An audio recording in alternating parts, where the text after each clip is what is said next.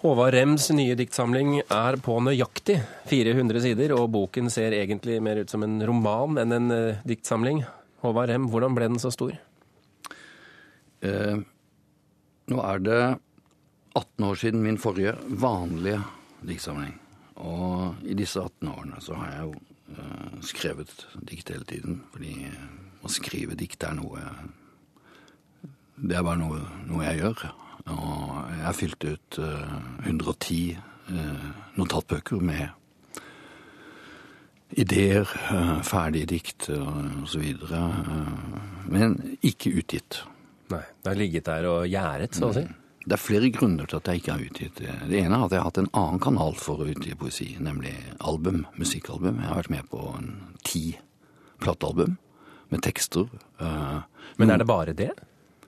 At du har hatt en annen kanal, eller har det vært Nei, andre? det, det har vært én årsak. Eh, En annen årsak er at, eh, at jeg synes eh, den, liksom den vanlige diktsamlingen er begynt å bli marginalisert i offentligheten. Den foregår nesten i et sånt parallelt univers som er usynlig for, for folk flest. Jeg ønsket derfor å vente til jeg følte at jeg hadde et momentum. Og eh, da jeg ble 50, så tenkte jeg nå må jeg gå tilbake i disse 100 notatbøkene og se hva som har skjedd siden sent 90-tall og jeg gikk ut av 30-årene. Og så har jeg nå i to-tre år jobbet systematisk med disse notatene. De kom opp igjen 1000 sider. Uh, og så har vi uh, slanket dem, uh, redaktøren og jeg, til disse 400. Og underveis så fant jeg også den strukturen som boken fikk, altså 30, 40, 50, Ja. kronologisk. eh. Men det er jo ikke bare kronologisk, det er jo også temaene alder, damer, par, barn, opprinnelse og singel. Ja. Eh, ga den tematikken seg naturlig også? Ja, den, den vokste litt ut av det, av det mm, Den vokste litt ut av grunnlagsmaterialet. For når jeg skulle begynne å finne Altså Når jeg skulle prøve å mm, dele inn og, og finne linjer, så fant jeg at disse eh, nesten biologiske, forankrede eh, tingene som det, det, er det, det er veldig strukturerende og formende for livet ditt. Eh, Så det, det var naturlig. Det første som står i boken, og jeg tror nesten det står før noe som helst annet Ja, det står altså Håvard M. dikt, og så står det Jeg skriver om meg, du leser om deg.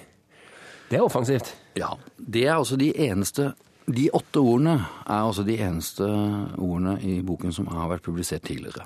Det er tatt fra en, eh, fra en tidligere samling. Og det er en slags kontrakt med, med leseren. Uh, Når du sier kontrakt, er det noe du ønsker å gi leseren? Er det en sånn slags kvalitetsnorm for deg? Men ja, men det er også et forsøk på å sette leseren på et spor. uh, hvor, hvor, hvor leseren skal søke eh, gjenkjennelse og identifisering, overføringsverdi til sitt eget liv. Slik jeg ofte opplever det med den litteraturen jeg har glede av, at jeg kjenner meg selv igjen. Og det er også sammenheng med det jeg oppdaget underveis. Altså, boken er til dels kalt selv, altså, selvbiografiske dikt. Det er jeg for, i og for seg helt, helt fortrolig med. Eh, men da er det også viktig å tenke at det selvbiografiske er kanskje det ytre. At jeg har vært i Tibet, at jeg har vært i Rwanda, det er selvbiografisk. Når du kommer til eh, det indre, som vi kaller det, eh, og som vi ofte tenker på som det private, så opplever jeg at det blir allment. At man har oppdratt barn, at man kanskje har skilt seg, at man, at man blir eldre. Jeg opplever ikke det som veldig privat eller selvbiografisk. Det opplever jeg som først og fremst eh, allment. Har det vært interessant for deg med dette som bakteppe å følge med på debatten om Knausgård og hans eh, bokserie Min kamp? Helt klart. Den har ikke jeg hatt anledning til å lese. Eh, en del av Dere har jo litt samme bakgrunn fra, fra Absolutt. Jeg, jeg skåret mine første mål uh, som veldig ung aldersprosent alderspresent eh, fotballspiller nettopp mot Trauma. Ja. For et navn! Så, Ja, på, altså, tromma, ja, det er et norrønt navn for Tromma, som er navn til fotballklubben der ute. Uh, jeg har ikke lest bøkene hans, uh, fordi jeg har ofte ikke tid til å lese fiksjon. Men jeg husker jeg bet meg veldig merke i For en ti år siden så listet han opp eh, sine eh, si, favorittforfattere. Og så ser jeg at det er jo mine. Det er jo den bekjennelseslitteraturen eh, som jeg selv eh, har liksom lest siden tenårene. Eh, mange b-er her, altså Bohemen, Christiania-bohemen, beatforfatterne Bukowski, Bjørneboe. altså tidlig Aksel Jensen for norske. Altså den, den eh, bekjennelseslitteraturen, det ramset han da opp som sin eh, og, og med det som hans litterære bakgrunn, så synes jeg også at det er en logikk i at han skriver uh, de, de bøkene han har gjort, Min kamp. Og uh, også logisk da at, at mine dikt blir, uh, blir såpass ufiltrerte da, som, som de er.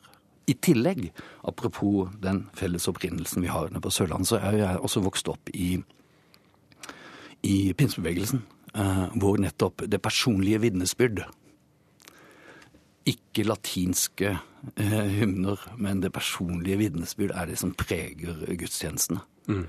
en slags bekjennelsestekst, det også. Så, så den tradisjonen går jo da faktisk tilbake til før tenårene mine. Altså tilbake til oppveksten. Men du har meldt deg ut av pinsemenigheten, så vidt jeg forstår. Ja, har du jeg- fremdeles kontakt med dem? Ja da.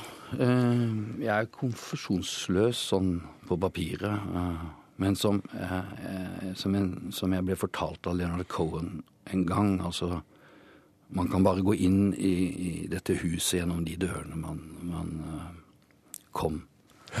Du, eh, eh, denne boken 30, 40, 50 tar, tar oss altså gjennom ditt liv slik du ser det. Eh, ser du at det er Eller for, for å se, hva er den sto, store forskjellen mellom eh, Håvard Rem som 30-åring og Håvard Rem som 50-åring? Det jeg oppdaget eh, en god stund etter at jeg hadde definert prosjektet som 30-40-50, eh, det var jo at eh, 30-40-50 representerer den eh, perioden, den biten av livet som innebærer å ha ansvar. Mye ansvar. Ansvar for små barn som vokser opp. Ansvar for foreldre som blir gamle og syke. Eh, Så det, det, er, det er samlende for hele den perioden.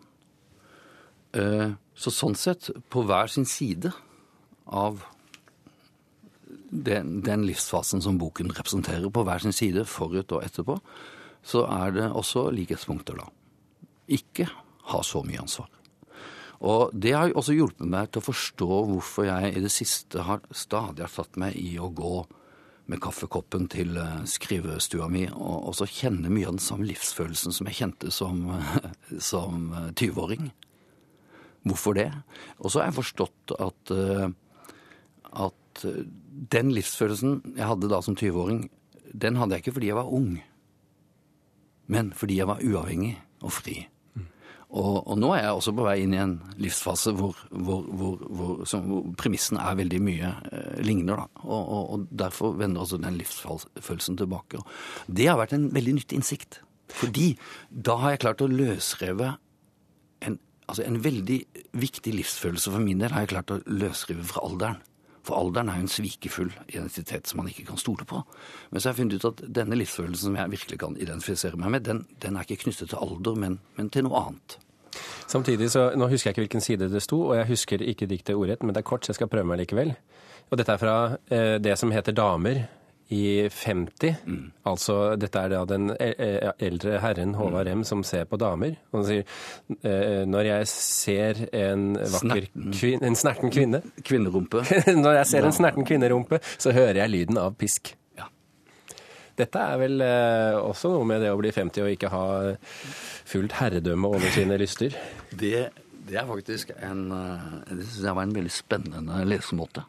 Det, den, har, den, jo da, den har jo da veldig mye til felles med det rådet Saratostra får, opp, har jeg oppdaget i ettertid. Altså når han kommer ned fra fjellet i, eh, i Nietzsches bok. Og så får han det rådet 'går du til kvinnen, glem ikke pisken'.